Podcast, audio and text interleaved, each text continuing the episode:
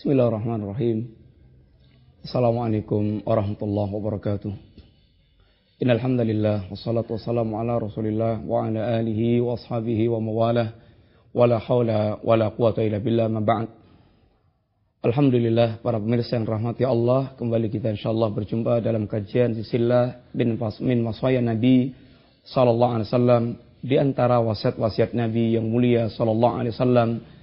Dan sebelum kita masuk pada pembicaraan tentang wasaya Nabi, beberapa wasiat Nabi, maka kita telah menyampaikan mukaddimah tentang bagaimana keberadaan Nabi kita yang mulia SAW merupakan nikmat yang sangat besar dari Allah Subhanahu wa taala.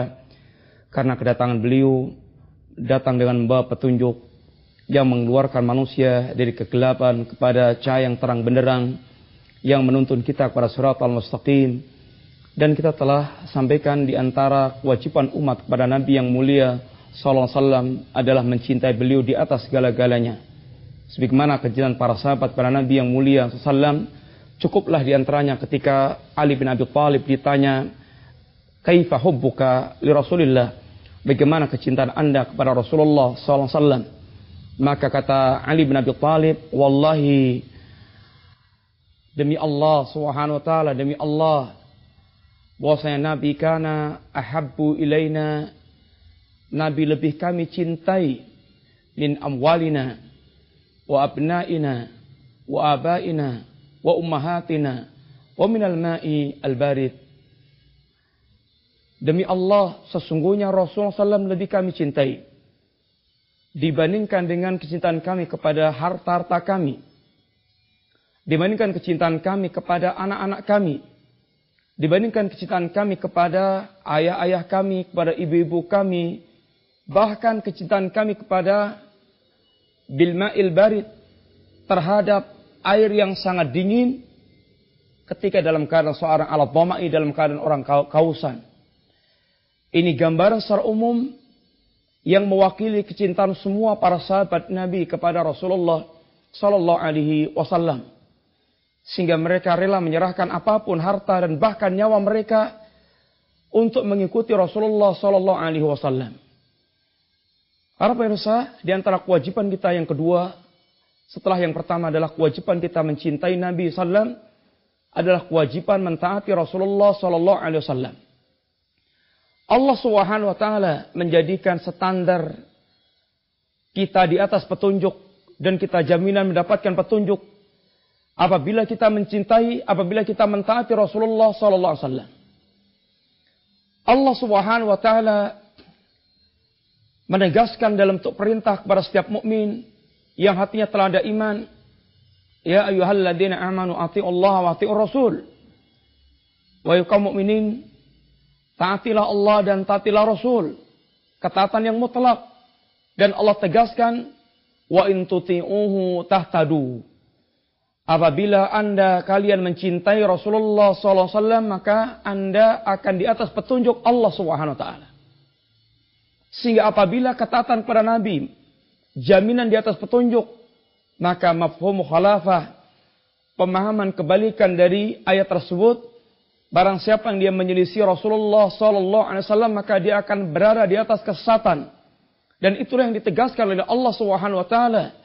Sebagaimana Allah katakan, "Falyahdharil ladina yukhalifuna an amri an tusibahum fitnah aw yusibahum adzabun alim."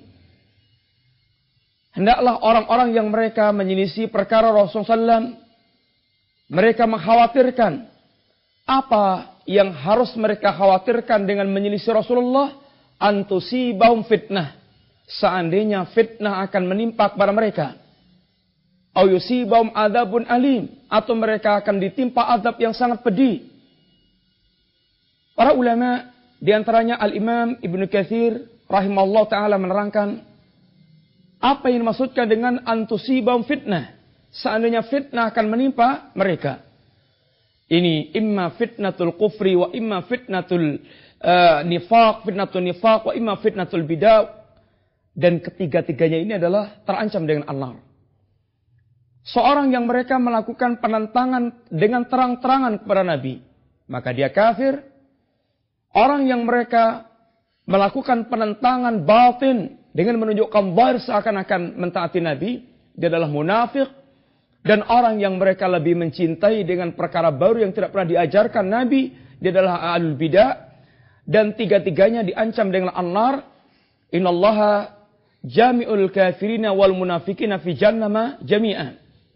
Allah akan mengumpulkan orang kafir dan munafik di satu lembah jahanam dan Allah dan Nabi kita mengatakan ini tentang bid'ah kullu bid'atin dhalalah wa kullu dhalalatin finnar. Setiap bid'ah sesat dan setiap kesatan dia terminal akhirnya adalah neraka sehingga tiga-tiganya baik fitnah kekafiran, fitnah nifak atau fitnah bid'ah terancam dengan azab anar. Atau terhadap yang pedih di dunia dengan ditangkap, dibunuh, diperangi atau di akhirat dengan dia diadab oleh Allah di jannah. Menyelisih Nabi perkara sangat bahaya dan bisa mengantarkan pada kesatan kehidupan sehingga berkata sahabat Ibnu Mas'ud radhiyallahu anhu beliau mengatakan di antaranya lau taraktum sunnata nabiyukum la dalaltum seandainya kalian sengaja menyelisihi sunnah nabi kalian niscaya kalian akan berada dalam kesatan para pemirsa yang dirahmati Allah Subhanahu wa taala Demikian pula ketaatan kepada Nabi memberikan jaminan seorang ke jannah. Dan kedurakan kepada Nabi maka akan menjadikan jaminan dia di neraka. Rasulullah Shallallahu Alaihi Wasallam beliau di antaranya mengatakan, "Kullu ummati yadkhuluna al-jannah." Semua umatku akan masuk jannah, illa man aba, kecuali yang enggan. Tentu kalimat ini mengherankan para sahabat Jannah yang kenikmatan digambarkan oleh Allah Subhanahu wa taala mala ainun ra'at wala udhun wala wala ainun uh, uh, ma mala ainun ra'at wala udhunun sami'at wala khatra ala qalbin bashar. Kenikmatan jannah yang tidak pernah dilihat oleh mata manusia, tidak pernah didengar oleh telinga manusia dan tidak pernah terlintas dalam hati manusia. Kemudian ada orang yang mereka enggan masuk jannah, tentu sangat mengherankan. Maka mereka bertanya Rasulullah, wa man ya'ba? Ya Rasulullah, siapa orang yang enggan masuk jannah? Maka Nabi katakan, man ata'ani dakhalal jannah, wa man asani faqad aba. Orang yang mentaatiku maka dia akan masuk surga, dan orang yang mereka menyelisiku maka dia akan orang mereka enggan uh, orang mereka maksiat padaku maka dia telah enggan untuk masuk ke dalam jannah. Para pemirsa yang dirahmati Allah Subhanahu wa taala. Oleh karena itulah Bagaimana seorang mukmin dia hendaknya memimpin jiwanya untuk berusaha untuk mentaati Nabi dengan ketaatan yang setulusnya. Dan lihatlah bagaimana para sahabat mereka telah mendidik diri mereka untuk mentaati Rasulullah SAW sebagai bentuk ketaatan kepada Allah Subhanahu Wa Taala. Karena barang siapa mentaati Rasul maka dia telah taat kepada Allah Subhanahu Wa ma yuti'ir rasulah faqad Allah. Barang siapa yang dia mentaati Rasul maka dia telah mentaati Allah Taala dan bagaimana Rasulullah SAW mendidik kepada para sahabat untuk betul-betul mentaati Allah taala dan selalu sami'na wa ta'na dan tentu di dalamnya adalah ketaatan kepada Rasulullah wasallam. Ketika turun ayat ini dalam surat yang akhir-akhir dari surat Al-Baqarah. Lillahi ma fis samawati wa ma fil ard. Wa in tubdu ma fi anfusikum aw tukhfuhu yuhasibukum billah. Maka para sahabat datang kepada Rasulullah SAW dengan mengatakan ketika turun ayat tersebut yang maknanya seluruh langit dan bumi milik Allah Subhanahu wa taala dan tidak ada satupun yang terlintas dalam hati manusia pasti akan dihisap oleh Allah Subhanahu wa taala yang mereka sembunyi yang mereka nampakkan atau yang mereka sembunyikan akan dihisap oleh Allah Subhanahu wa taala maka sungguh ayat ini sangat memberatkan para sahabat sehingga mereka datang pada Nabi yang mulia ya Rasulullah kulifna bima nutiq. Ya Rasulullah kami telah dibebankan Allah dengan apa yang kami mampu untuk melakukannya. Akan tapi ya Rasulullah Allah Subhanahu wa taala sekarang membebankan pada kami sesuatu yang kami tidak mampu untuk mewujudkannya. Ya, ini ayat yang akan menghisap segala apa yang tersembunyi dalam hati mereka. Kan alangkah seandainya semua yang terlintas dalam diri kita dihisap oleh Allah Subhanahu taala dan kemudian akan diadab oleh Allah Subhanahu taala, alangkah sangat binasanya setiap kita. Maka para sahabat mereka sangat keberatan dengan perkara tersebut. Akan tapi kata Nabi dalam mendidik para sahabat, Kata Nabi, Aturidun antakulu kama qalat ahlu kitabain? Apakah anda, apakah kalian hendak mengatakan dengan apa yang telah dikatakan dua ahlu kitab? Sami'na wa asaina. Kami dengar ya Rab dan kami maksiat. Bal Qulu akan tapi ucapan li anda sami'na wa ta'na. Maka ketika para sahabat mereka telah mengikuti Rasulullah sami'na wa ta'na maka turun ayat Allah Subhanahu wa taala yang menghapuskan dan meringankan para sahabat sebagai bentuk barakah dari sikap mereka samina wa ta'na. Apa itu? Turun ayat berikutnya, amana rasulu bima unsila ilaihi min rabbih wal mu'minun kullun amana billahi wa malaikatihi wa kutubi wa rusulihi ma nufarriqu la nufarriqu baina ahadin min rusulihi wa qalu sami'na wa ata'na ghufranaka rabbana. Turun ayat Allah SWT telah beriman kepada Allah, malaikat, kemudian kitab, kemudian rasul, Rasulullah dan semua kaum mukminin.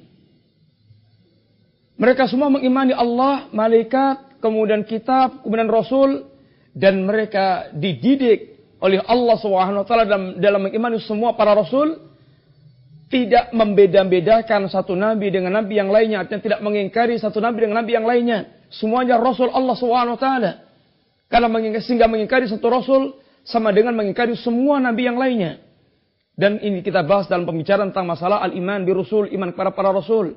Yang kemudian diajarkan kalimat yang telah diajarkan Nabi, yakni waqalu sami'na wa dan mereka mengatakan sami'na wa Ghufranaka Rabbana wa ilaikal masir ya Rabb ampunan kami ya Rabb dan kepada Engkau lah kami akan kembali.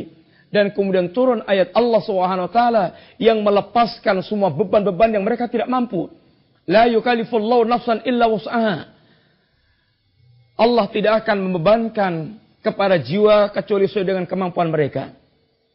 Rabbana la tuakhidna in nasina aw akhtana tahmil alaina isran kama hamaltahu ala ladina min qablina.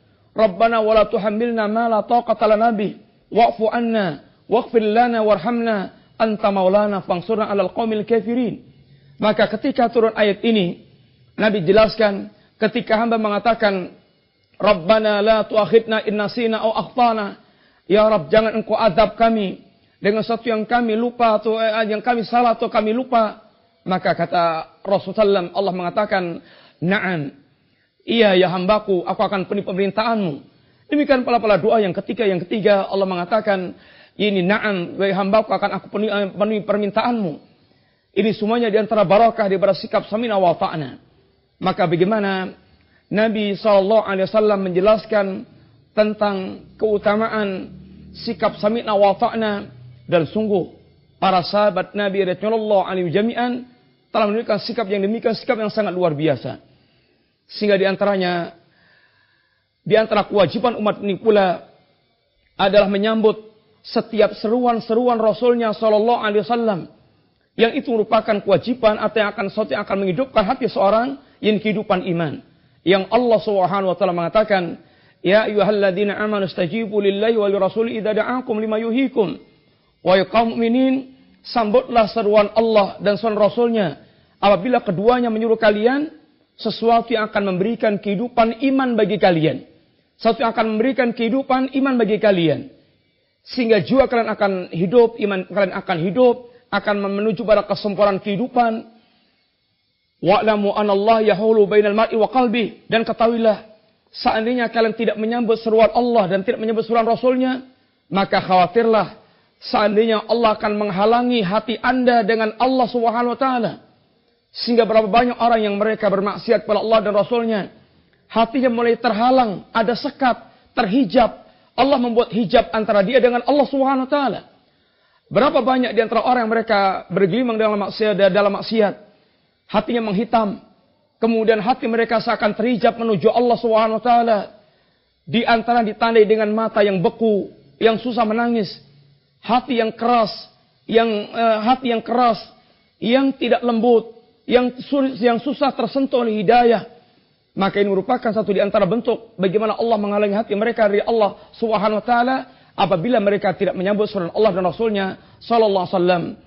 Para penginsan rahmati Allah, satu contoh yang sangat praktis bagaimana para sahabat mereka menyambut seruan Allah dan Rasulnya tentu yang paling gampang di antaranya ketika turun ayat-ayat yang merupakan bentuk larangan Allah Subhanahu wa taala.